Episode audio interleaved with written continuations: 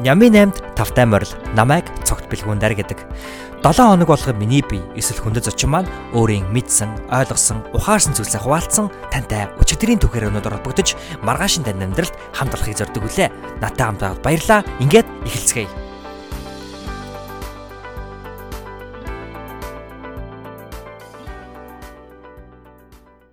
Сайн байцгаана сонсогчдоо энхүү сэхэдэн төслийн хүрээнд бэлтгэн хүргэдэг Ямин 8 подкастынхаа 36 дугаар дугаард тавтай морилно. Энэ удаагийн дугаарын маань хүндэт жичин химбэ гэхээр Америк нэгдсэн улсын Нью-Йорк мужина Нью-Йорк University буюу Нью-Йоркийн их сургуульд эдийн засгийн мэрэгчлэр болон Business Studies буюу бизнесийн судлал мэрэгчлэр дид мэрэгжил эзэмшиж буй мөнхөө овогтой халиун урагдан оролцсон байгаа. Тэгэхээр энэхүү подкастынхаа хүрээнд бид нэгэн ярианы сэдвээр маш гол анхаарлыг өгсөн. Тэр нь юу вэ гэхээр халиуны маань одоо ажилдаг гэж хэлж бол халиуны маань удирддаг, тэргүүлдэг. Америк дахь Монгол оюутнуудын холбоо болох амсаа гэж товчилдаг, а монголоор болохоор омаах гэж товчилдаг. Энэ хүү оюутны холбооноос жил болгон зохион байгуулдаг. Best University Opportunity Program гэдэг энэ хүү төслийн талаар ер нь бол ярилцсан байгаа. Тэгээ энэ төсөл бол сонсогч та хэрвээ Америкийн нэгдсэн улсад ирж суралцахаа сонирхож байгаа бол хүсэж байгаа бол тэрхүү хүслийг хүсэл мөрөөдөлтэй хүргэх хамгийн анхны маш том чухал алхам байж чадна гэж итгэлтэй байна. А түүнээс гадна энэхүү програмд хамрагдахын тулд энэ жил маань энэхүү оюутны холбооны зүгээс тэтгэлэг зарлж байгаа тэтгэлэг сурагчдаа өгж байгаа тийм учраас маш гайхалтай онцлогтой тэгээ энэхүү гайхалтай онцлогтой энэ зун зохион байгуулагдах ивентийн ард халиун хийгээд бусад Америк дахь Монгол оюутны холбооны гишүүд хэрхэн хөдөлмөрлж хэрхэн хичээл зүтгэл сэтгэлээ гарган ажиллаж байгааг та бүхэн энэ подкастаас мэдэж авах болно. А тэгээ ер нь хэрхэн тууштай байх уу, хэрхэн өөрийнхөө айдсыг ялан дийлж зөв шийдвэрүүдийг гаргаж эргээд харахад харамсахгүйгээр амьдрах уу ер нь шийдвэрүүдэд хэрэг хитрхийх хугацаа цаг хугацаа алдалгүйгээр зөв шийдвэрүүдийг хэрхэн гаргах уу гэх мэтчлэн олон гайхалтай сэдвүүдийн талаар ярилцсан байгаа. Тэгээ энэ подкаст бол үнэхээр гайхалтай гоё сайхан подкаст болсон. Тийм ч учраас би илүү олон зүйл ярилцгүйгээр та бүхнийгаа энэ подкастер хурдан өсөж орцгоё гэж би бас хүсэж байна. А тэгээ хамгийн сүүлд нь би энэхүү подкастыг бичиж байгаа яг энэхүү микрофонд би баярлаа гэж хэлмээр байна. Ягаад гэвэл өнөөдөр буюу яг энэхүү подкастыг бичсэн өдөр миний төрсөн өдөр тохиосон. Тэгээ миний төрсөн өдрийн бэлэг болгож энэхүү микрофоныг барьж байгаа микрофоны гар айгүй гоё ингээ хөдөлдөг уян хатан гар тэгээ микрофоны өмнө тавьчдаг pop filter буюу энэхүү одоо дуу дуу чимээ намсгагч хийгээд яг энэ микрофоны доор суурлуулсан нэг юм бүгж байгаа. Тэр бүгж нь болохоор яг л дууны амарчинтай адилхан янз бүрийн чичиргээ энтриг бол багасгадаг. Тэгэхээр энэхүү микрофоныг барьж байгаа эдгээр зүйлсүүдийг биелгэлсэн найз охин дараадаа би төлөө юуны төрөнд маш их баярлаа гэж хэлмээр байна. А тэгээд энэхүү өдөр бол өөрөө миний төрсэн өдөр учраас би намайг төрүүлж өсгсөн ээжтэй болон аавдаа хийгээд миний амьдрал надтай учирсан миний ард талд үргэл зогс байдаг асаалттай танк шиг найз нөхөд гэр бүл хамаатан садан бүх хүмүүстэй чин сэтгэлээсээ баярлаа гэж хэлмээр байна. Тэгээд бас яг энэ хүү микрофоныг авч өгсөн төгсөлтийн баярын бэлэг болгож өгсөн найздаа маш их баярлаа өнгөрсөн дугаар дээр би дурдсан байгаа. Тэр хүн болгоно маш их баярлаа энэ хүү подкастыг сонсож байгаа танд их баярлаа. Тэгээд энэ хүү подкаст м өргөдөж орсон халиундаа баярлаа. Тэгээд халиунагийнхаа ярилцлага руу хэдүүлээ ингээд үсэрцгээе.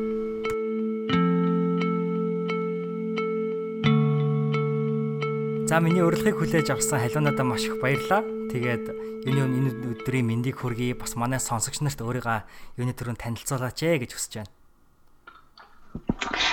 За цагт бэлгүүн байртаа баярлалаа. Өнөөдөр намайг энэ гоё подкастаа ураад оролцуулж байгаад тийм намайг халиуна гэдэг. Тэгээд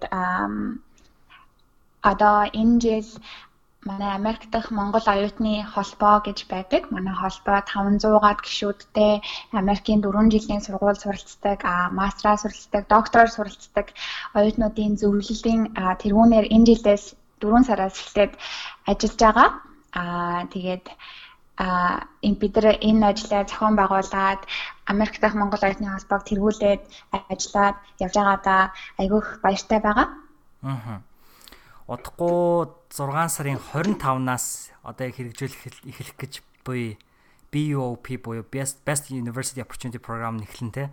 Тэгээд энэ програмыг би бол нэлээд олон жил явж байгаа гэж бодож байна. Энэ програмын тухай товч танилцуулбал. За тэгээ.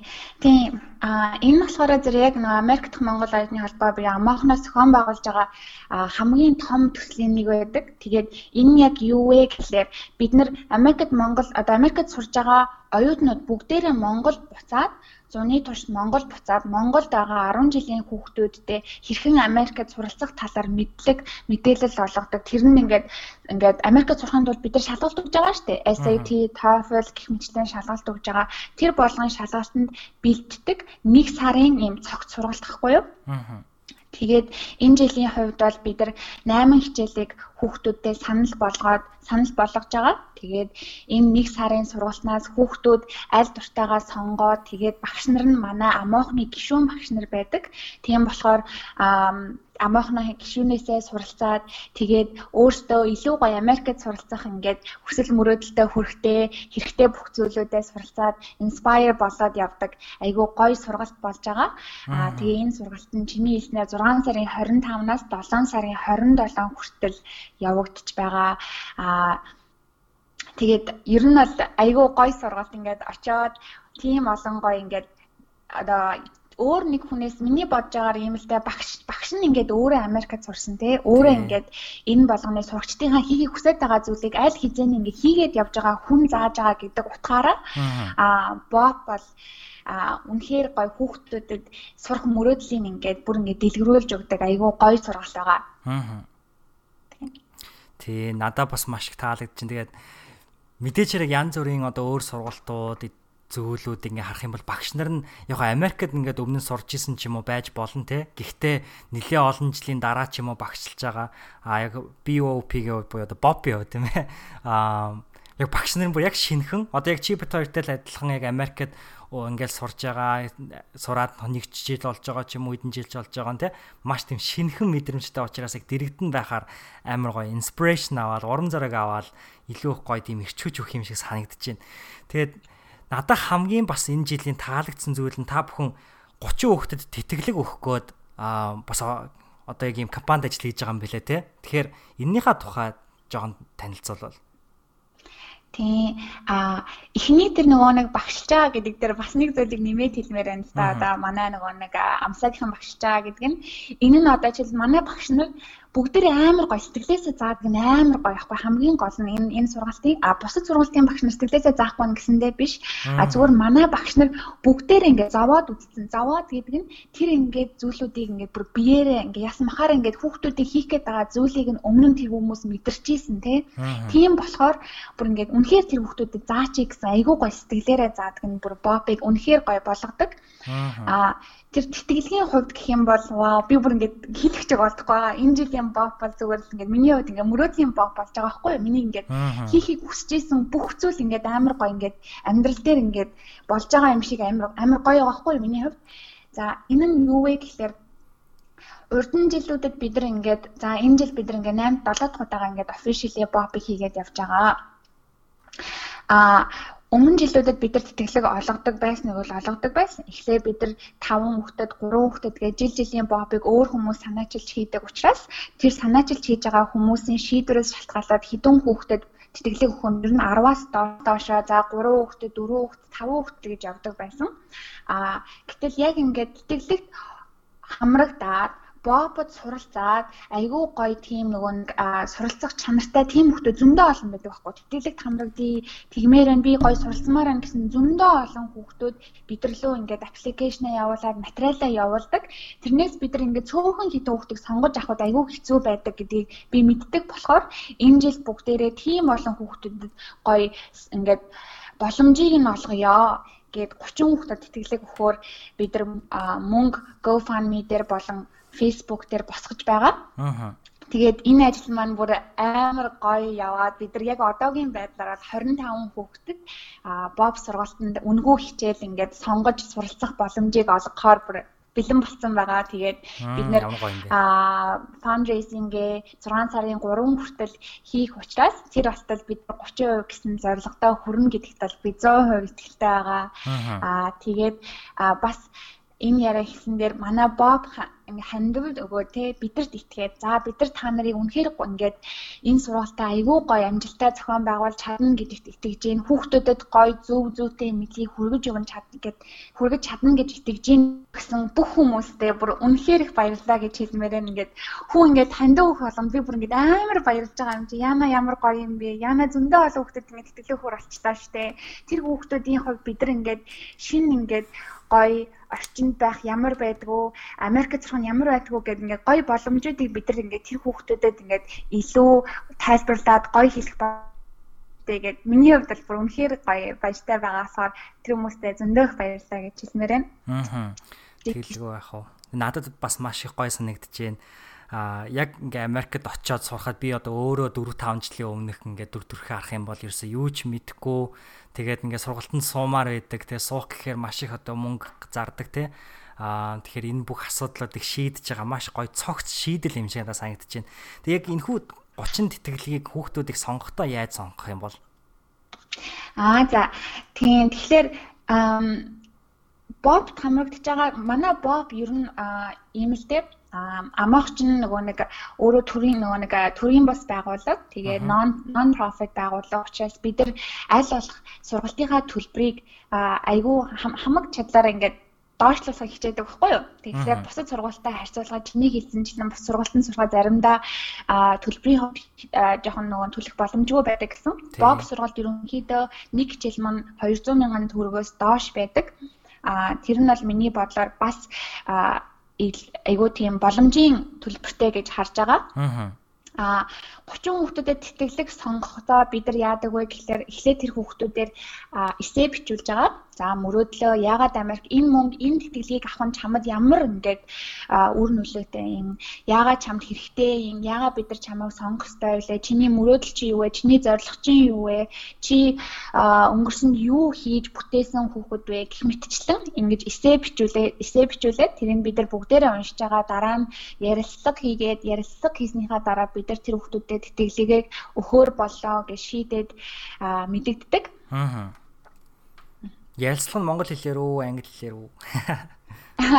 Тэр бол энэ жил бид нар монгол хэлээр хийнэ. А гэхдээ одоо англи хэлний төвшнийг одоо яаж шалгаж байгаа вэ гэхлээр стен дээр англи хэлээр хариулдаг асуултууд гэж байдаг. Аа. Тийм. Зөв зөв. За тэгээд одоо тэгэхээр одоо жишээ нь би одоо 10 жилээ дөнгөж төгссөн болдоо ялаа гэж бодоход миний хувьд одоо шууд ингээд яг өнөөдөр ингээд аппликейшн бүрдүүлээд энэ хүү програмд өргөдлөө гаргахад одоо ингээ боломжтой гэсэн үг те. Бүртгүүлэхэд. Тэхийн тулд яг яаж хийх вэ? Уулзах хэрэгтэй юу? Онлайнаар хийх хэрэгтэй юу? Аха. Энэ тухай өргөдлийн тухай бол бид ингээд урд урдын жилүүд бол айгүй цөөхөн байсан шүү дээ. Цөөхөн хүүхдэд итгэлэг өгч байсан тий. Тийм учраас энэ жил харин бид нар 30 хүүхдэд итгэлэг өгмөр байгаа учраас аль болох эртхнээс бид нар тэтгэлгийнхаа тэр асуултуудыг онлайн болгохыг хичээж байгаа. Тэгжээ тэр хүүхдүүд чинь 6 сарын 25 хэд хичээлээ эхлэхээс өмнө бид нар бүх юмаа одоо тэр хүмүүст тэрийг уншаад олон хүмүүст хүргэх боломжийг олгох нь бид нар цаг хугацаа маш их хэрэгтэй байгаа учраас бид нар тэр тэтгэлгийг аль болох эртхэн зарлахыг хичээж байгаа.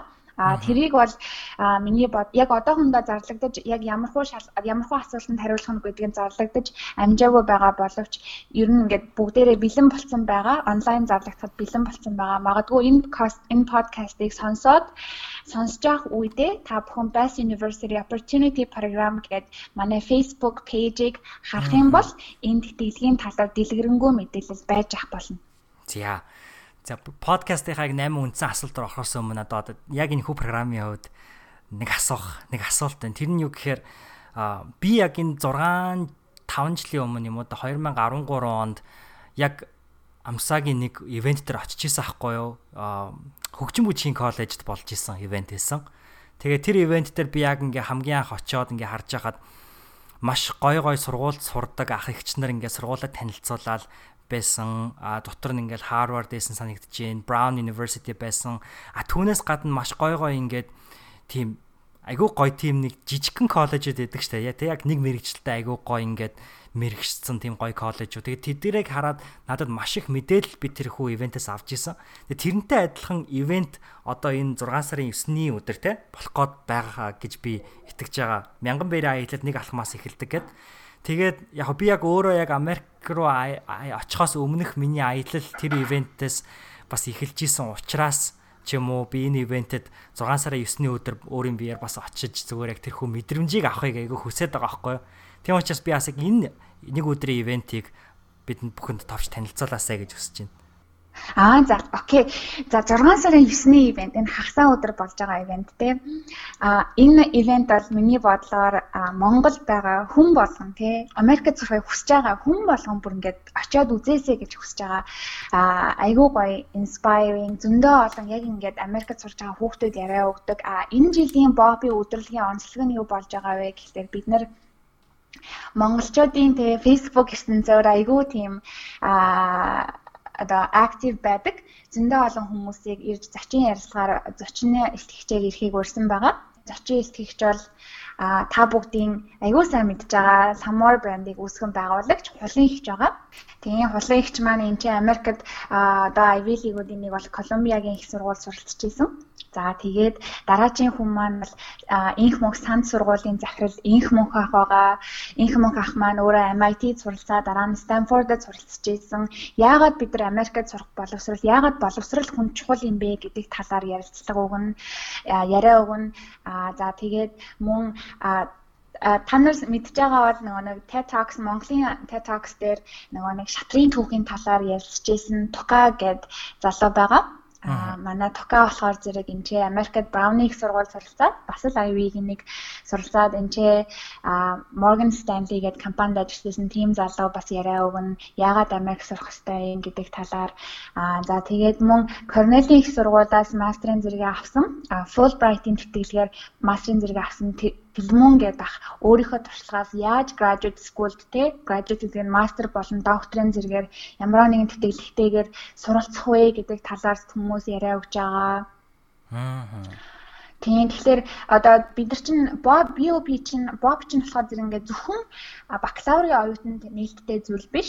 Бас мастер сурахыг хүсэж байгаа, доктор сурахыг хүсэж байгаа хүмүүст бас нээлттэй сургалт байдаг болохоор а энд энэ энэ өдөрлөг дээр ирээд бүгдээрээ гоё а яг энэ сургууль сурахын тулд тэ ямар ямар мастер сурахын тулд ямар ямар арга байдаг гэдгийг суралцаа зогсохгүй. Манай бопын сургалтын дээр ирээд тэр талаар нэг сарын сургалтанд сууж болно а за энэ сая гадичлаа тэ а тэгээ дараагийн хамгийн сүүлдийн ингээ бидний зочин итгэгчээр ирж байгаа хүн нь болохоор зэрэг а та бүгдийн бүр аягүй сайн мэдж байгаа лент цэгийн а баяр сайхан ах ярьж байгаа.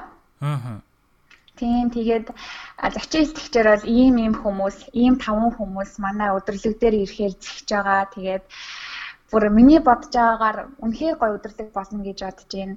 А сурагчдын хувьд бол манай амоохны гişүүд очоод өөрсдийнхөө сургуулийг танилцуулаад яг чиний өмнө хэлжсэн шиг за бид нар ийм ийм ийм процессор яваад ийм ийм ийм зүйлүүдийг хийгээд одоо энэ сургуультаа ингэж амжилттай сурж байна. Тэхийн тулд та нар ч гэсэн ийм зүйлийг хийж болно гэд яг адилхан ямархуу одоо application process гэж юу байдгүй хэр хэдийн хугацааны цаг зав гаргадгүй гэд одоо бүх юмнуудаа тайлбарлаад ер нь тэр өдөрлөг дээр очиод мэдээлэлтэй болоод дээрэс нь Америкт сурах амар тийм гоё одоо хүсэл зорилготой тэмүүлэлтэй болох тийм өдөрлөг болно гэж ер нь зохион байгуулад бүр айгүй гоё айл хизээний Америкт суралцаад аа тэгээд одоо ажлын гараа амжилттай эхлүүлээд ажиллаад явж байгаа ийм олон гоё хүмүүс ирж байгаа. Дээрээс нь нэмээд яг одоо Америкт суралцж байгаа тийм манай холбооны гишүүд ирээд аа ямар ямар арга замаар Америкт суралцах боломжтой талаар ярьж байгаа учраас Америкт суралцаад суралцыг суралцмаар байгаа боловч ингээд яах учраа олохгүй те? Хинээс асуухаа мэдгүй тийм хүмүүс байгаа бол а бас ингээд Америкт үнэхээр ингээд суралцмаар байгаа те? Тэрийнхаа тэрнийхээ төлөө ингээд хичээлээ хийгээд шалгалтандаа бэлдээд явж байгаа тийм хүмүүс байгаа бол бүх хүмүүсийн те бүх насны хүмүүсийг ирээсэй гэж урьж байна. Зөвхөн одоо 10 жилийн хүүхдүүд ч гэлтгүү энэ ч мастрын тухай ярьж байгаа учраас та бүгдийг те бакалаврын зэрэг айл хизээний авсан. За мастраа Америкт ч юм уу Америкт суралцъя да гэд бодож исэн хүмүүс байх юм бол тэр бүх хүмүүсийг ирээсэй гэж хүсэж байна. Аа. Ивент маань өөрөө 6 сарын 9-ний өдөр 16 цаг тусгаар технологийн ордны 2 давхарт болно. Зөв. Тийм манай ивент манай ивент болохоор тусгаар технологийн ордонд чиний хэлснээр 6 сарын 9-нд өглөөний 11-ийн цагаас эхлэхээр болж байгаа. Аа. За за. Маш их баярлалаа. Тэгээд аа хэдүүлээ гайхалтай энэ хүү амсаа гэдэг, омаах гэдэг тийм ээ гайхалтай organization non profit байгууллагын талаар маш гайхалтай мэдээлэлд авч чадсан баг. Тэгээ одоо хэдүүлээ жоохон халуунагийнхаа өдөр тутмын амьдралыг сонирхож асууя гэж би бодож байна. Халуунаа маань өөрөө Нью-Йорк хотод амьдардаг тийм ээ. NYU буюу New York University-д сурдаг. Тэгээд ер нь 7 хоног нь хэрхэн өнгөрдөг вэ? Ер нь ойрын үед сонирхаа чи юу байна? Нью-Йорк хотоор. Ааха. Тийм би манай сургууль болохоор зэрэг айгүй эрт манай хичээл амарчдаг. 5 сарын 14 гэхэд бол би яг ингээд манай сургуулийн хичээл шалгаж бүх юм дуусаад яг ингээд Best University Opportunity програм дээр бүр ингээд 100% сэтгэл зүрхээ гаргаад ингээд миний ингээд энэ 7 хоног тэр хичээл амарснаас зүгээр л ингээд бопор амьсгалсаар агаад дуусч байна.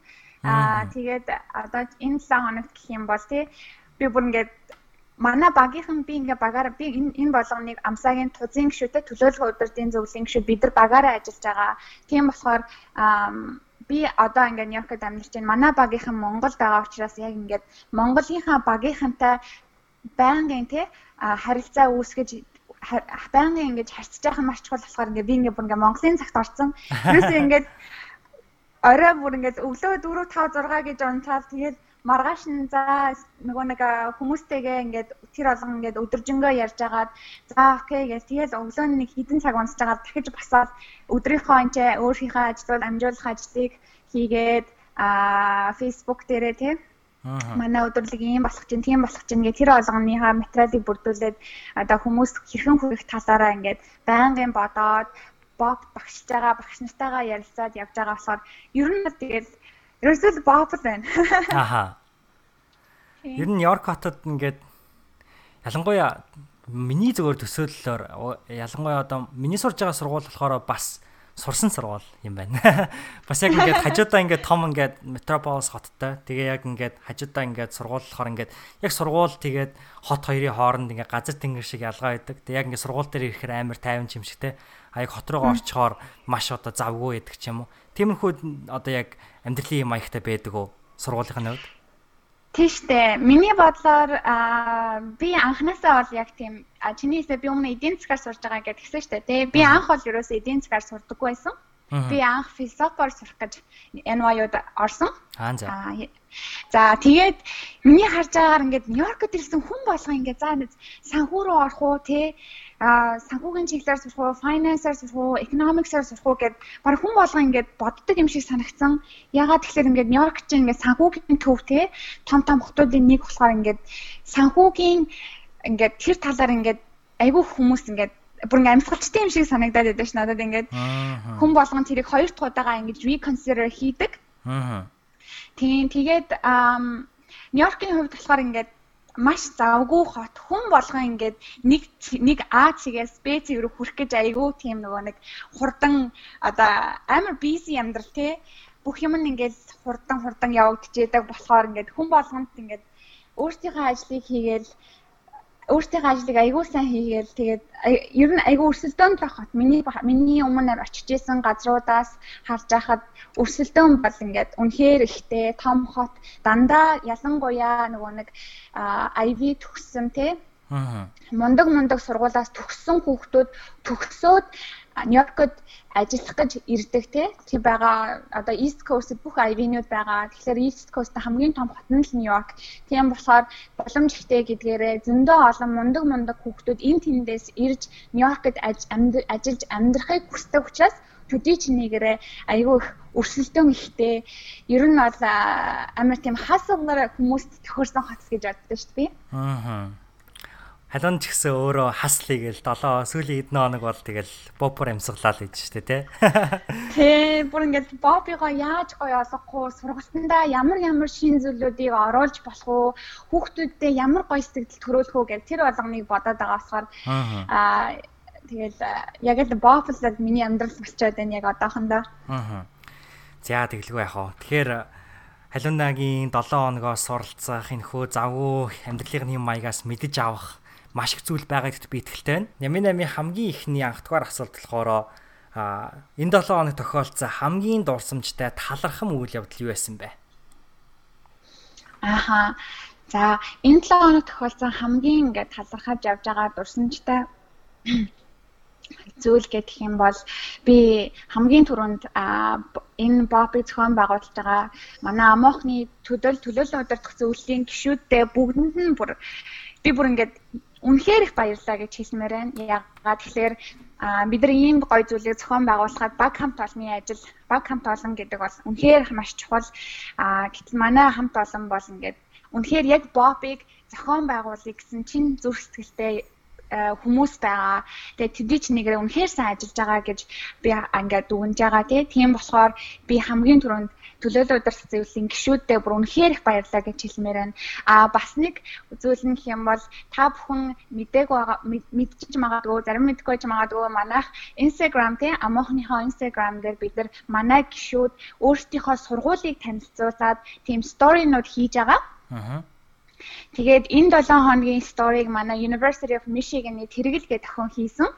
Тэгээд та бүхэн тэргэлийн хийсэн сургуулаа танилцуулсан танилцуулсан тэр сториг үзэх юм бол бүр үнэхээр гоё сэтгэлтэй бүр үнэхээр гоё. Ингээд намайг бүр ингээд шүн хүн ингээд бүр ингээ баярлуулаа тий би бүр тэгэл рүү баярлаа чамд үнэхээр баярлаа чи үнэхээр гоё сэтгэл гаргаж хийсэн байна гэд. Миний сэтгэл бүр ингээ 1000% хүртэл тий бүр үнэхээр гоё хийсэн. Тэгэхээр би тэргэлд бол үнэхээр их баярлалаа гэж хэлмээр байна дахиад. Аа. Зя. Хоёрдугаар асуулт руу орцгоё. А хоёрдугаар асуулт маань болохоор энэ 7 хоногт онцлох ном, сонин, мэдээ артикл эсвэл дижитал контент юу вэ? Ааха. За энэ 7 хоногт за би ингээд амоохны төлөөж явж байгаа тэргүүн гэдэг утгаараа тийм миний хэлж байгаа би юу хэлж байгаа, хэн хэлж байгаа гэдэг зүйлээ маш одоо анхаарах хэрэгтэй тийм. А яа тэгэхээр миний одоо тийм учраас би энэ 7 хоногт өөрийнхөө хүнтэй харилцах харилцаан дээр маш их анхаарч ажиллахыг хичээж байгаа. За энэ зорилго энэгээрээ болохоор зэрэг би TEDx дээр та нар мэдж байгаа бол яаж хүнтэй ямархуу яаж хүнтэй гоё зөв харилцаатай одоо гоё ярилцах уу гэдэг тийм контент одоо бичлэг байдаг. Аа. Тэгээд тэр бичлэг дээр та бүхэнд ингээд үзэх юм бол 10 яг тийм нэг гоё аргыг зааж өгж байгаа. Тэр аргууд дундаас миний ингээд те ингээд шууд ингээд өөртөө хэрэгжүүлэхийг үнэхээр их хүсэж байгаа зүйл нь гэх юм бол ярилцж байгаа хүнтэйгээл хүнтэй хүнтэй бүх анхаарлаа хандуул гэдэг. Ингээ хүмүүс ингээ хүнтэй ярилцахаараа за энэ асуулт нь яаж хариулах вэ? Энэ хүнээс дараа нь юу асуух вэ гэж бодоод байдаг гэж аахгүй юу? Би ч гэсэн тэгдэг те. А гэтгээд тэгж тэгж битгий бод. Тэр хүннийхээ тэр хүндээ ингээд бүх анхаарлаа хандуулад тэр хүн чинь юу гэж хэлж гин гэдгийг бүр ингээд үнэхээр сайн сонсч ойлго гэж аахгүй юу? Тэгээд энэ дээр бас нэг миний энэ 7 хоногт энийг ингээд ингээ ухааруулсан тий зүйл нь юу вэ гэхээр би ингээд нөгөө нэг энэ ч хоол авч идэх гээд аа Тэгээ хоолны газар ороод зогсож байсан баггүй. Тэгсэн чинь би ингээ утсан дээрээ бас ингээд нэг хүнтэй мессеж бичээд зогсож байсан чинь нөгөө хүн маань надаас чи энийг энчээ сууж идмээр нөө эсвэл энийг аваад яваад идэх үү гэдгсэн баггүй юу? Аа. Тэгээ би тэрийг нөгөө анхаарлаа юусоо би нөгөө нэг мессежэндээ хандуулсан байсан болохоор гэж хариулахад энэ зэрэг аха гэж тэгсэн. Чинь нөгөө хүн чинь гайхаад миний хажуу зогсож исэн хүн над руу харж инээгээд. Аха. Тэгээ би бодож байгаа юм чи өө би ямар буруу зүйл ямар муухай юм хийж вэ? Те би зүгээр тэр хүнд ингээд тэр хүн надад ингээ хоол бэлдэж өгч байгаа. Те миний хоолыг бэлдэж өгч байгаа. Би тэр хүнд ингээ баярлах байтал би тэр хүний ингээд ярд надаас асууж байгаа зүйл нь ямар ч анхаарал төвлөрүүлэхгүй зүгээр ингээд өөрийнхөө өөрийнхөө хуваа хичээгээ те өөрийнхөө тэр ажлаа амжуулах гал яваад байсан байна Гэтэл тэр хүнд ямар сэтгэл төрүүлж байгаа вэ? Тэ тэр хүнийг тэгэж одоо игнор хийж байгаадаа ямар сэтгэл төрүүлж байгаа вэ? Тэгээ биерсээ бодолцож үзээгөө. Тэгээ би бүр гинт ингээд гинт ингээ ухаардаад оо яна намаа үнэхээр уучлаарай миний хувьд л ингээд айгүй буруу зүйл болсон байна. Би дараа айгүй гоё хичээнэ тэгээд тэгэж өнгөрсөн. Тэгэхээр аа хамгийн их одоо нөгөө нэг миний амьдралд яг ингээд influence басан тэр контент бол яг тэр бичлэг байна хүнтэй хэрхэн зөв яриа өрнүүлэх үү гэдэг. Аа маш чухал санаа байна гэж би бас бодож байна. Яг ерөнхийдөө бол цаад хүнээ юм ярьж яхад за би юу гэж одоо хариулах уу гэж бодохоос илүүтэйгээр яг цаад хүнээг сонсож дуусгал гэсэн үг юм байна шүү дээ, тэ. Дараагийн хариултаа бодохоос илүүтэйгээр. Тэгэлгүй яах вэ? За тэгэхээр хиний халуунагийн ярьж байгаа энэ хүү TEDx ярилцлагыг бас яг бэлгүүн блог дээр оруулах учраас та бүхэн бас орж сонирхож болноо гэж. За тэгээ 3 дугаар асуулт руу орцгоё, тэ?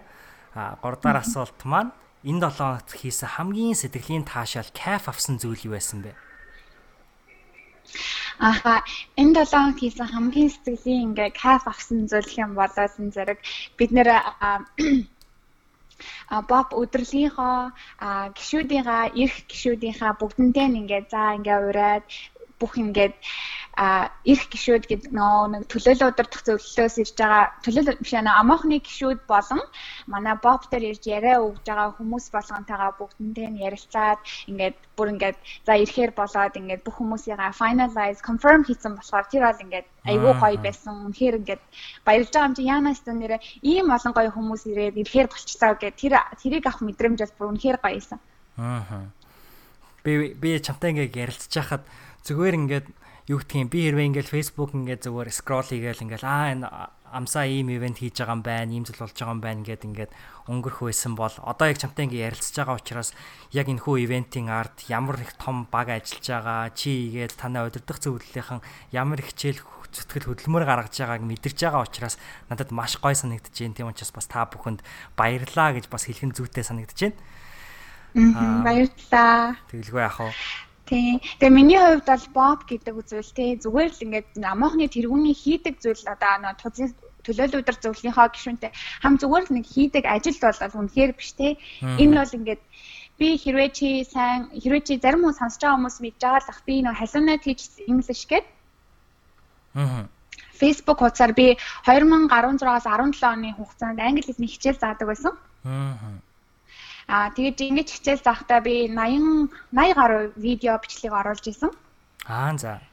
Тийм тий тэгээд энэ бол зүгээр л миний хувьд бол амар тийм таашмахгүй юу. Би ингээд бусад хүмүүст эрдэм мэдлэг олох боломжийг нээнэ гэдэг бол миний ингээд бүр ингээд миний зүрх сэтгэлд ингээд бүр үнэхээр байдаг зүйл. Аа.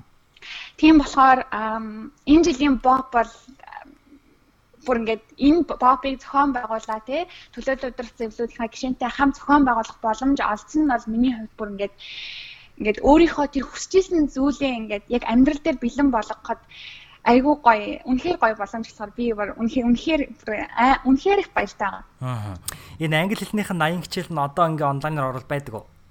Байдаг штэ. Аа халуна teaches English гэдэг чи Facebook-ээр одоо орох юм бол байж байгаа. За тэгвэл би бас тэрийг нь бэлгүүн блог дээр оруулнаа. Тэгээ хүмүүс бас орж сонирхоосаа гэж хүсэж байна. Тий. За тэгээд дараагийнхаа асуулт руу орцгоё. Тэр маань юу гэхээр энэ 7 хоногийн онцлог дадал зуршил дэг рутин юу байсан бэ? За энэ 7 хоногийн онцлог зуршил гэдэг юм бол би ерөөсөө өмнө хэлжсэн би ингээд ерөөсөө л Монголд байгаа юм шиг. Аа Аа би ингээд аль болох багийнхандаа би та нарын ингээд сонсож байгаа хийж байгаа зүйлд ингээд ямагт ингээд бэлэн байгаа шүү гэдэг сэтгэлийг би үнэхээр төрүүлэхийг хүсэж байгаа учраас аль болох чадхаараа би ингээд ам интернетд байгаад ажлуудаа гүйцэтгээд явахыг үнэхээр хичээж байгаа болохоор энэ 7 хоногт бол миний дадал зуршил гэх юм бол өглөө хүртэл тэгэл онлайнаар тий байгаа шүнжэнгөө тэгэл яг ажиллаа хийгээд сууж байгаа айгу онцлогтой байгаа. Аа Ер нь хамгийн хэцүү нь юу байна яг ингээ өдөр шин солигдчихоор? Хамгийн хэцүү зүйл гэсэн үү те? Тий. Хамгийн хэцүү зүйл нь миний бодлоор яг ингээд аа ямар ч би нөгөө нэг Америкт байгаа учраас аа яг нөгөө нэг биеэрээ хүнтэй ингээд яриад яриа өрнүүлнэ гэдэг чинь нэг зүйл. А холоос интернетээр ингээд хайцсан гэдэг чинь бас нэг ондоо зүйл болохоор яаж нөгөө төлөөлөл өдөрдөх зөвлөлийн гишүүнтэйгээ ийм гоё нөгөө нэг хийж бүтээ гэсэн тийм чин сэтгэлтэй байгаа хүмүүсээ яг энэ чигээр нь байлгахгүй гэдэг бол миний хувьд хамгийн хэцүү зүйл байгаа. Аа Тийм. Гэхдээ манай төлөөлөл өдөр зөвлөн гişүү намайг ингээд нөгөө нэг тийм болохоор би ингээд өөрөө л айгүй гоё хичээж байгаа. Энэ боб гэдэг бол миний хувьд үнэхээр чухал зүйл шүү гэдгийг ингээд тэр хүмүүстэй илтгэж чадах юм бол нөгөө хүмүүс маань миний нөгөө хийж байгаа энэ ингээд сэтгэл тавьж байгаа зүйлийг хараад бас гоё эн чинь ийм гоё юм болох гээд байна штэ гэд ингээд илүү гоё ухаараад бүр үнэхээр чин сэтгэлээс ажиллана гэж бодож байгаа болохоор гэж бодож байгаа. Тэгээд манай төлөөлөл удирдах зүйлсийн гишүүд бүгдээрээ тийм гоё морив ирээд байгаа болохоор үнэхээр гоё байгаа. Аа. Халуунагийн хэлж байгаа яг энэ санаа надад маш зөв санагдаж байна. Хүмүүс ингэдэг штэ. Одоо энгийн жишээ гэвэл нөгөө байгаль эрхлэлийг хамгаалах тал дээр ингээл хүмүүс хог хог новшоо багасгая ч гэдэг юм уу те? Хог хаягдлаа багасгая ингээд хог хаягдалгүй амьдрий гэдэг ингэдэг тэгээ ингээд инхээр ингээд хүмүүсийг над хогоо хаяа битгий хаяа хаяад байгаа ч гэж урайлахаас илүүтэйгээр яг өөрөө хогоо хаяхгүй байгаа өөрөө маш их хичээж байгаа. Тэр хүмүүс нь хэлхээсээ илүүтэйгээр үлгэр жишээ болд юм шиг санагддаг Яг түнтэй адилхан яг халуунаас гарч байгаа энэ ирч хүч энергийг би ч гэсэндээ олон 100 майлын цаана байгаа ч гэсэндээ энэ хүү дуудлагаар дамжуулаад мэдэрч байгаа учраас гişүүд нь бас их мэдэрч чадж байгаа гэдэгт итгэлтэй. Тэгээд яхаа аргагүй бас манлайлагчийн чухал шинж чанар байна гэж би бас ховдоо бодож ин шүү. За баярлаа. За дараагийн асуулт маань энэ 7 хоногт хэн хамгийн их нөлөөг мөн хэрхэн үзүүлсэн бэ? Ааха. Энэ 7 хоногт хамгийн их нөлөө үзүүлсэн зүйл гэх юм хүн гэх юм бол манай амоохон маань төлөөлөл өдрөх зүйлийн гişүүд гэж байдаг. А тэрнээс гадна бас strategy board гэж байдаг. Тэгээ strategy board-ыг маань удирдах ахсч явдаг Сүхэ ах гэж хүн байдаг. Сүхбат гэдэг. Аа. А Сүхэ ах маань болохоор энэ Америкт амоохыг амоох гэдэг холбоог анх үүсгэн байгуулсан 7 хүмүүсийн нэг нь За тэгээд тийм Амохыг 2011 онд хамгийн анх үүсгэн байгуулж исэн хүмүүсийн нэг нь тэгээд Америкт Wesleyan University гэж сургуулийг төгсөөд одоо Нью-Йоркод ажиллаж амьдарч байгаа. Тийм ах байдаг. Тэгээд Сүхбат ахын надад ингээд гоё ингээд надтай харьцаж байгаа амар гоё ингээд надтай харьцаад халуунаа чиний ингээд хийж байгаа бүхэнд чинь бид нар те туслаад ингэж явна шүү гэд ингээд гоё хэлээд надтай ингээд амоохны цаашдын харааны алсын хараа зорилгын талаар ярилцаад ингээд яваад байгаа болохоор ингэж яваад надад ингээд айгуу гоо ингээд би багтаа яаж ажиллавал одоо тэрүүн хүний үүднээс би ямар хуу байдлаар би багийнхаа хүмүүстэй харилцвал нөгөө хүмүүс үнэхээр гоё байдаг вэ гэдэг зүйлийг сүхбаах надад мэдрүүлж өгч байгаа гэх юм уу Аа. А тэгэхээр ингээд сүхбаахын бас ингээд strategy board-ийнхаа хүмүүстэй ярилцж байгаа ярианаас хараад би бас ингээд үлгэр жишээ аваад аа ингэж хурлыг те strategy board маань бас ингээд 7 гишүүнээс бүрддэг байгаа. Тэгэхээр 7 гишүүнтэй ингээд тэр хурлын дундуур би ингээд тэргүүн гэдэг утгаараа ингээд бид 8 ингээд хурал хийлээ гэхэд би сүхбаах тэр хурлыг тэргүүлж аваад яаж одоо тэр хурлыг амжилттай үр бүтээлтэй өнгөрөөж ин гэдгийг хараад явж байгаа явж байхад бол над үнэхээр бас гоё аа inspiration болж байгаа болохоор би сүхэ ахтар миний хувьд хамгийн их нөлөө үзүүлж байгаа нөлөө үзүүлсэн хүний нэг нь. Аа. За тэгвэл сүхэ ахын нөлөөний ачаар гэдэг юм уу? Аль эсвэл ерөнхийдөө энэ 7 хоногт гаргаад байгаа амжилт юу вэ? Дараагийн асуулт маань. Аха. Энэ 7 хоногт гараад байгаа амжилт гэдэг юм бол аа манай боб хөтөлбөр 25 хүүхдэд төр тэтгэлэг өгөхөөр болсон гэдэг бол бүр үнэхээр том амжилт. Би тэрийг бүр ингээд би анх тэр нөгөө нэг бүгдээрээ гоё тэтгэлэг зарлая гэхэд хүмүүс тэтгэлэг хүмүүс хандаа өөрөх болоо яах бол гэж бид мэдээж тэр талаар ярилцж байгаа штэ. Тэгэхээр би ихтгэл үнэхээр ингээд тэтгэлэг өгмөр байгаа тий боловч яг ингээд яах хүмүүс тэтгэлэг болов гэж эргэлзэжсэн боловч яг ингээд одоо айл хэзээний тэр fundraising эхлээд 2-7 хоног болоход бид нар 25 хүүхдэд мөнгө цуглуулах болоод 2500 доллар ус босох баснаас айл хэзээний 2000 доллар нь цугларсан болохоор тэр бол манай амоохны хувьд те зөвхөн төлөөлөл өдөр зөвлөм strategy board биш манай амоохны хувьд бүр хийж байгаа хийсэн хамгийн том амжилт байгаа. Аа Тэр яагаад би ингээд ингэж одоо тэнийг сургалтанд сураад тий багшийн хэлсэн нэг үгдэл тэр хүүхдэд ингээд амар ингээд онцоогоор тусч чадах юм бол миний бодлоор нэг тэр хүүхдийн ингээд амьдралд үнэхээр тийм том өөрчлөлт оруулах боломж гэж хардаг байхгүй юу? Аа. Яагаад тэгэхээр нэг хүний хэлсэн нэг өгүүлбэр миний хувьд ингээд үнэхээр ингээд тийм ингээд амьдралдаа ингээ өөрөөр харах нөлөөлөл үзүүлэхээр тийм зүйл болдог тийм тийм учраас тийм зүйлийг аль болох олон хүүхдүүдэд боломжийн олгох зүуднээс хийж байгаа болохоор тэгээ 25 хүүхд гэхэлэр миний хувьд бол бүр үнэхээр гоё зүйл байгаа. Тэгээд нэг үгөө тэнцээ ингээд манай сургалтанд суугаад одоо Америкт сурах ураг арга учраа оллоо. Тэгээ Америкт ирлээ гэхэд миний харж байгаа тий ганцхан тэр хүүхдийн амьдрал нөлөө оруулаад зогсохгүй бид нар тэр хүмүүийн хүүхдийн хүүхдэл тий а эцэг гэр бүлийнхэнд нь бас айгүй том нөлөө үзүүлж байгаа. А ман одоо жишээлбэл тэгдэг штэ би ингээл Америкт ирээд ингээд сурж байхад манай хамаатнууд хүртэл ингээл Америкт сурах юмсан хийсэн хийсэн гэдэг хүсэл тэмүүлэлтэй болчихж байгаа байхгүй юу? Аа Тэгэхээр тэр өдөрлөгт тэр сургалтанд суугаад ингээ Америкт ирсэн чадсан хүүхд хүүхд болгоны тий тэр хүүхдэд зогсохгүй бид нар гэр бүлтэн гой нөлөө гой эерэг тэр байдлыг ингээд болго би болгож байгаа учраас тэр бол үнэхээр үнэхээр үнэхээр гоё зүйл. Аа. Халуунагийн ярьсан зүйлээс би нэг зүйл ажиглалаа л да. Тэр нь юу байсан бэ гэхээр та бүхэн яг ингээд хүү тэтгэлгийг үгүй гэдэг шийдвэр гаргахаас өмнө ингээд бага хэмжээний айцтай байсан гэж юм штэ. Тэгэхээр ерөнхийдөө бол удирдахч хүний хувь тийм ээ. Ер нь эсвэл хувь хүний хувьд яг ингээд шийдвэр гаргах цаг мөч ирэхэд айдас гэдэг зүйл үргэлж байдаг. Гэтэл бас чамд яг итгэл гэдэг зүйл байсан те.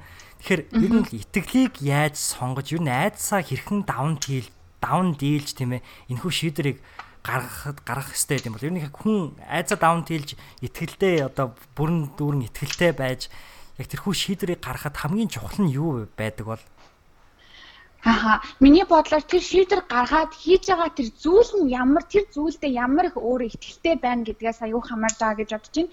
Жишээлбэл те бид нар итгэлийг ол тэр итгэлийг бид нар хүүхдүүдэд олгосноор ямар гоё зүйлүүдийг хийж болох вэ гэдэг зүйл дээрээ би үнэхээр ингээд 100% ингээд тэрийг хийхийг үнэхээр хүсэж байсан. Тэр нь бүр үнэхээр гоё ихтэй. Манай бо хөтрлөг өдрлөг хүүхдүүдэд үнэхээр гоё үр өгөөжтэй болж чадна штэ гэдгийг би би өөрөө ингээд 100% ихтэй байсан болохоор тэр айдас бол надад тийм а тэрийг хийхгүй бай гэхэд бол хүргээгүй. Тэгэхээр тэрийг хийсний дараа ямар үр дагавар гарч болох вэ гэдэг тэр үр дагавартаа үнэхээр тийм гоё ихтэй байж чадах юм бол а тэр айцыг даван туулах бол тийм хэцүү зүйл гэж бодохгүй байна.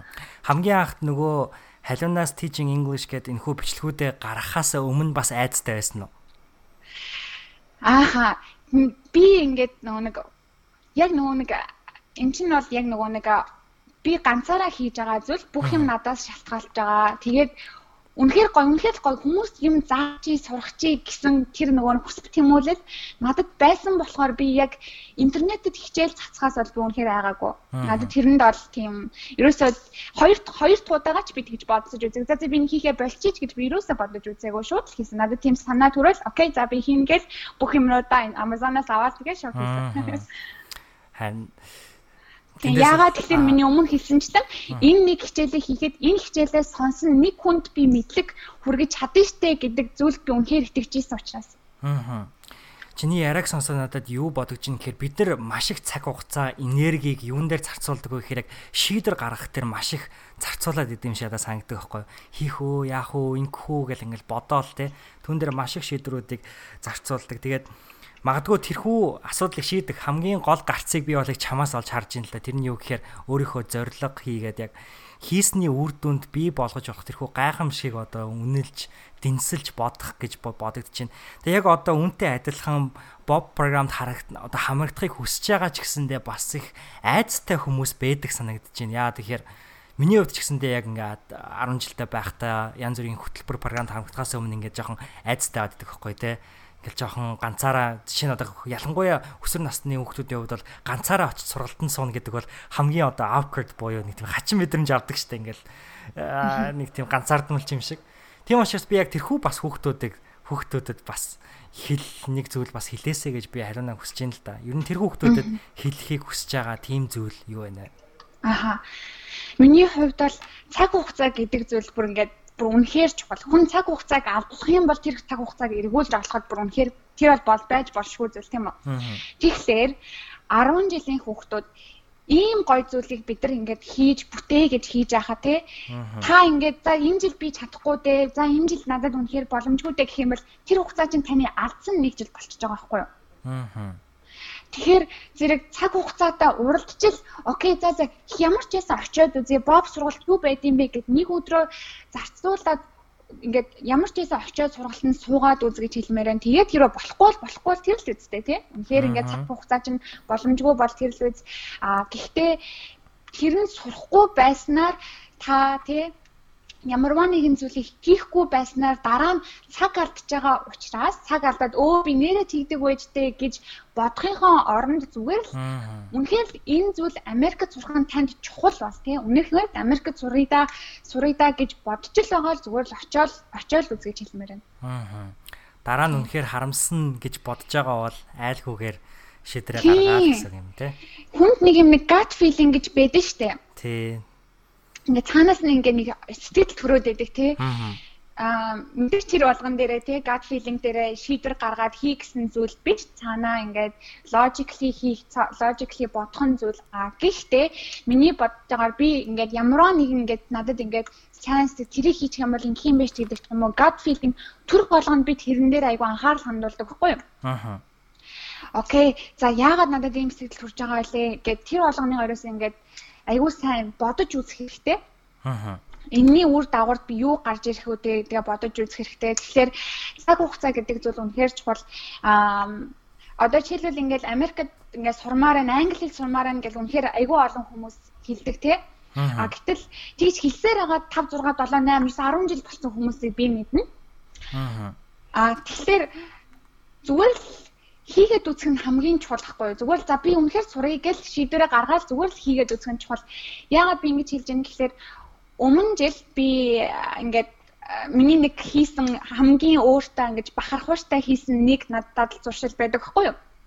Аа. Тэр нь юу вэ гэхээр би өмнө жил зунжанга ерөөсөө ажиллаа тараад өөрөө ерөөсөө тэр тал юу ч бодгоогаа шууд окей хичээл шууд ингээд Dunkin Donuts гэдэг нөгөө нэг зарим нэг дэлгүүр шүү дээ. Аа Би заримны дэлгүүдээр очиод заримыг аваад шууд хичээлээ хийж эхэлсэн байхгүй. Яагаад л хичээлийнх нь миний хувьд чухал мэдлэг хизээч илүүдэхгүй. Тийм учраас шууд хичээлээ эгээл би 7 хоног зүгээр тэгэл ихэд тэр ингээд дадал зуршил болсон. Би дараа нь Dunkin Donuts дээр ор болгонд шууд хичээлээ хийдэг болсон. Аа. Бүр ингээд аягүй сайн би нөгөө нэг Power of Habits гэж ном байдаг шүү дээ. Аа тэр номон дээр тэгдэг штэ дадал зуршил суулгахын тулд ингээд эхлээд өөртөө тэр ингээд нэг юм нэг сэтлийг ингээд харахад харангуй тархичин шууд ингээд автоматар хийдэг болгочих хэрэгтэй гээд Аа. Миний хувьд яг тийм болсон байхгүй. Би Dunkin Donuts дээр очлоо би заримгаа авлаа, заримгаа идлээ шууд хичээлээ хийдэг. Надад тэр дундуур би уцаа хизээж оролдъё, Facebook-д юу болж байгаа бол гэсэн ямар ч сэтгэл төрдөггүй шууд хичээлээ хийдэг. Тэгэхээр миний зүгээр хүмүүст зөвлөж хэлэх зүйл юу гэхээр үнэхээр тэ англиэд сурах таны хувьд чухал бол а би нэг чухал гэж хүн болгонд бас гэж бодож байна. Одоогийн нийгэмтэй. А тийм болохоор зүгээр л өөртөө тийм дадал зуршлыг суулгаад зүгээр л хий. Аа. Илүү дутуу юм бодохгүйгээр за окей англид би сурч чадгалаа чадахгүй болов гэж санаа зовж цагаа уурж яхаа тий. Тэгээ санаа зовж энэ чинь цагаа энержиг өрөөд штэ. Аа Тийм болохоор үнэхээр тэр сурсны дараа хийж гарч бүтээж байгаа тэр зүйл нь л таны хувь чухал бол шууд хийл гэж хэлмээр байна. Аа тэгэлгүй яг хаа маш гоё зөвлөгөөнүүдийг өгсөнд маш их баярлалаа. За ингээд нэвтрүүлгэн маань дуусах ихт өгч ин 7 дахь асуултан дээр ирсэн байна. Тэгээд 7 дахь асуулт маань юу вэ гэхээр энэ 7 хоногт сурсан сургамж ойлгосон ухаар л юу байсан бэ? Аха. Ам энэ 7 хоног сурсан сургамж ухаарал гэхээр а за одоо ингээд би ингээд ийм би ингээд хүүхэд болгонд өөрт нь бүр ингээд үнэхээр мундаг хүн болох үнэхээр гоё эрдэм мэдлэгийг олох боломж байдаг гэдэгт би ингээд 100% итгэдэг байхгүй юу. За 100 бүр ингээд 1000 сая дахин итгэдэг байхгүй юу. А тийм болохоор би хизээч хүний хүүхдэд чи энийг хийж чадахгүй штэ чи тийм болоход хийж чадахгүй штэ гэд би хүний хүүхдэд хизээч тэгж хэлж чадахгүй. А тэгээд би хүний хүүхдийг хайрлаа тийм үгнүүдийг хэлэхгүй те тийм бод миний толгойд орж ирэхгүй байхад би яагаад өөртөө тэгж хэлэх ёстой гэж гэж бодож байгаа байхгүй юу? Аа. Би яагаад өөрийгөө чи чадахгүй штэ чи энийг хийж магад хийж чадахгүй ч магадгүй штэ гэж би өөрийгөө яагаад тэгж өөртөө хязгаар тавих ёстой гэж. Аа. гэдэг зүйлийг би үнэхээр их ухаарж байгаа. Аа тэгэхээр би ингээ хүний хүүхдэд хүсэж байгаа хүний хүүхдийг хийж чадна гэдэгт би ингээд өөрт хүн итгээд байгаа байж ч би яагаад өөртөө тийм итгэлгүй байна гэж те. Аа. Тийм тэгэхээр ам энэ бопыг зохион байгуулад ингэж байгаа миний өөрт маань ч гэсэндээ бүр ингээд үнэхээр их зүйлүүдийг ухаарал харуулж байгаа бүр э, миний амьдралдаа амьдралдаа ингээд сүүлийн хэдэн жил ингээд те ингээд төхөөс ахуудад хийж байгаа бүр хамгийн гоё зүйл. Аа. Би яг яг энэ цаг үед нь өөртөө ингээ ярилцж байгаадаа маш их баяртай. Би тэгээд дараагийнхаа асуултыг юу нь бол энтэй холбож асуухыг хүсэж байна л да. Яг энэ бол Ямин 8-ын 8 дахь асуулт буюу би өөрөө зохиож асуудаг юм асуулт байгаа тий. Энэ асуултнаар би юу гэж асуухыг хүссэн бэ гэхээр халуунаг ингээд ярьж байгааг нь сонсохоор бас хийж байгаа зүйлүүдийг ингээ харахаар юу бодогдож байна вэ гэхээр маш одоо хүүхдүүдэд уран зориг өгч ер нь бол Америкт хийгээд ер нь дэлхийн шилдэг боловсролыг эзэмшээсэ гэсэн тийм туйлын хүсэл байга нь харагдаж байна. Тэг энэ хүү хүсэл нь магадгүй өөрийнх нь амьдралын түүхээс бий болсон байх гэж би итгэж байна л да. А тийм учраас би 8 дахь асуултан дээр юу гэж асуухыг хүссэн бэ гэхээр ер нь яг өөрийнх нь яг энэ халуун гэдэг хүний хувь тийм ээ Монголд хаан сурж агаад яг Америкт хамгийн анх хизээ яаж ирв хамгийн анх ирсэн тэрхүү сэтгэл ямар байсан тэр түүхээ бидэнд хуваалцвал гэж энэ хөө асуултыг асуухыг хүссэн юм. Аха.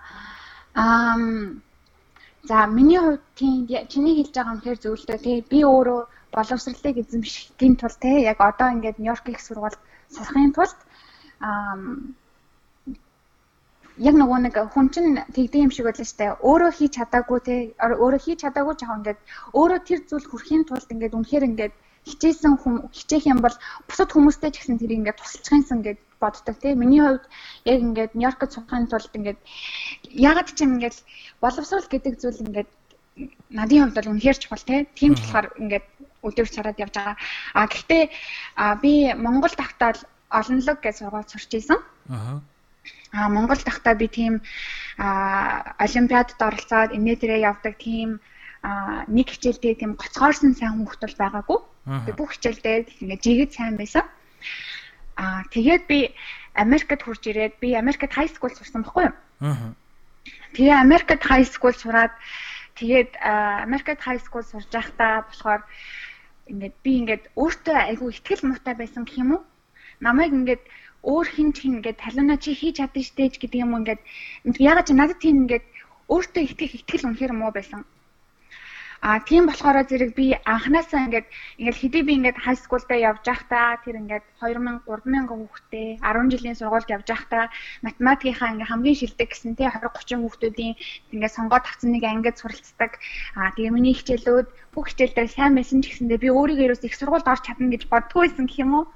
За яг ч юм ингээд надад юусоо тийм ингээд найзын хүрээлэлж байхгүй тэгээд анх ирж байхдаа тийм хөдөөний сургууль сурж байгаа тэгээд ганцаараа ингээд Аз хүүхэд нэг 10 хүүхд дандаа тийм шар хүүхд одоо нэг white хүмүүсийн хотод ирж исэн одоо white хүмүүсийн сургууль сурж исэн гэд тийм болохоор ингээд аюу ганцаардаад тийм өөртөө итгэл итгэл байхгүй найз нөхөд гэхлээр тийм амар сайн найз нөхөд байхгүй англи хэлээр нэг сайн ярьж чадахгүй тийм байсан болохоор ингээд өөртөө итгэлгүй тэгээ би ерөөсөө анханасаа за окей би их сургууль сурч чадахгүй байна.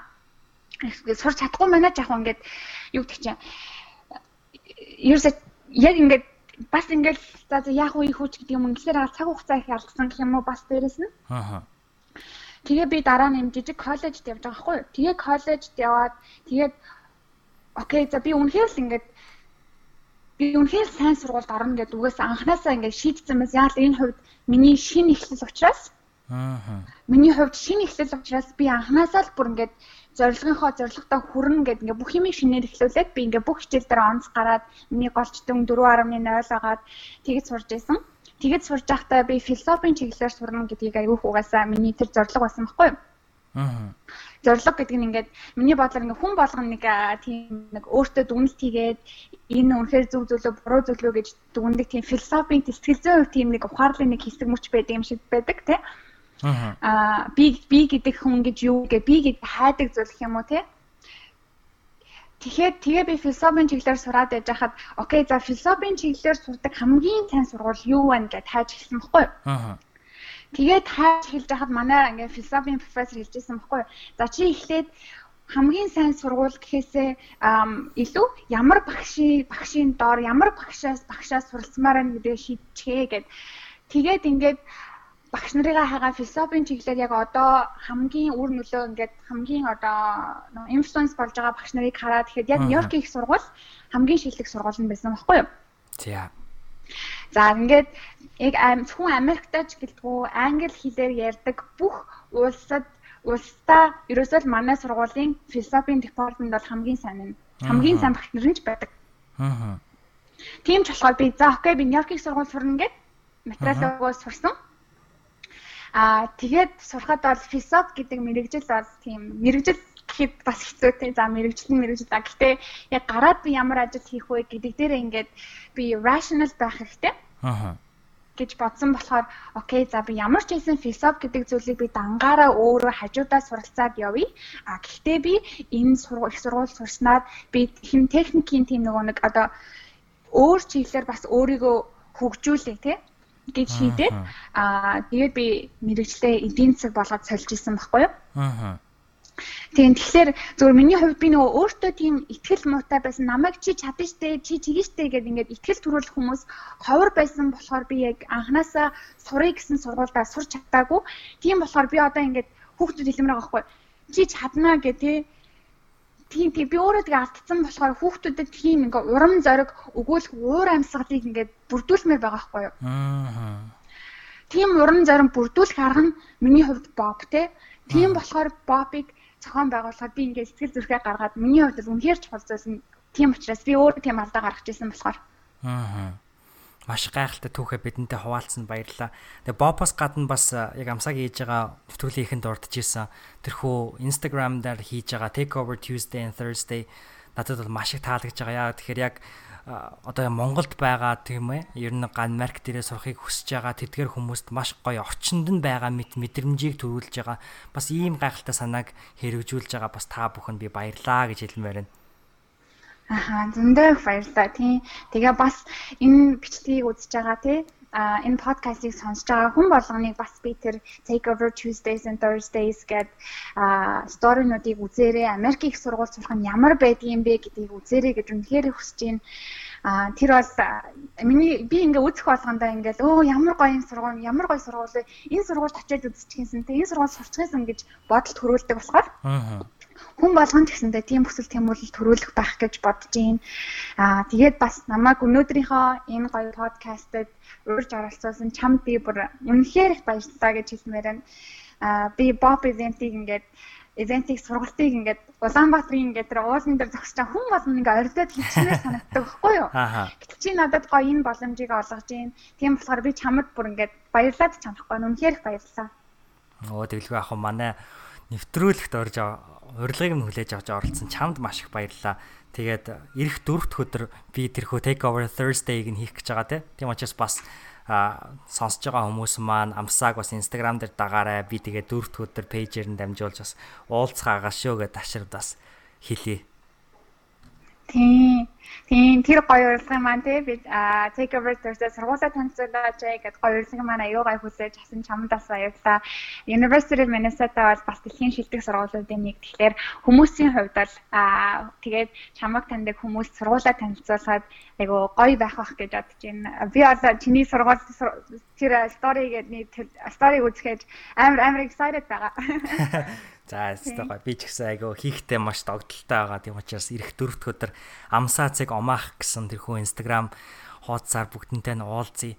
За тэгээ миний урилгыг хүлээж авсанд дахин маш их баярлалаа. Тэгээд өдрөө сайхан өнгөрүүлээрэ тэгээд удахгүй болох гэж байгаа 6 сарын 9-ний мянган бэрийн аялалд нэг алмаас эхэлдэг ивент хийгээд BOP буюу Best Opportunity University Opportunity Program-д нь бас амжилтыг хүсье чамд хийгээд танай баг хамт олон бүх багш нарт нь За зөндөө их баярлалаа.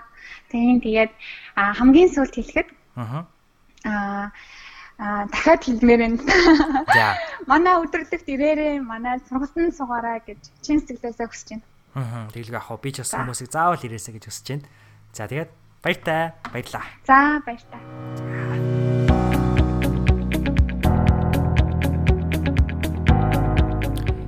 Инхүү энэ хүрээд манай 88 подкастын маань 36 дугаар дугаар өндөрлөж байна. Халуунтай ярилцсан ярилцлага та бүхэнд маш их таалагдсан гэдэгт би туйлын их итгэлтэй байна.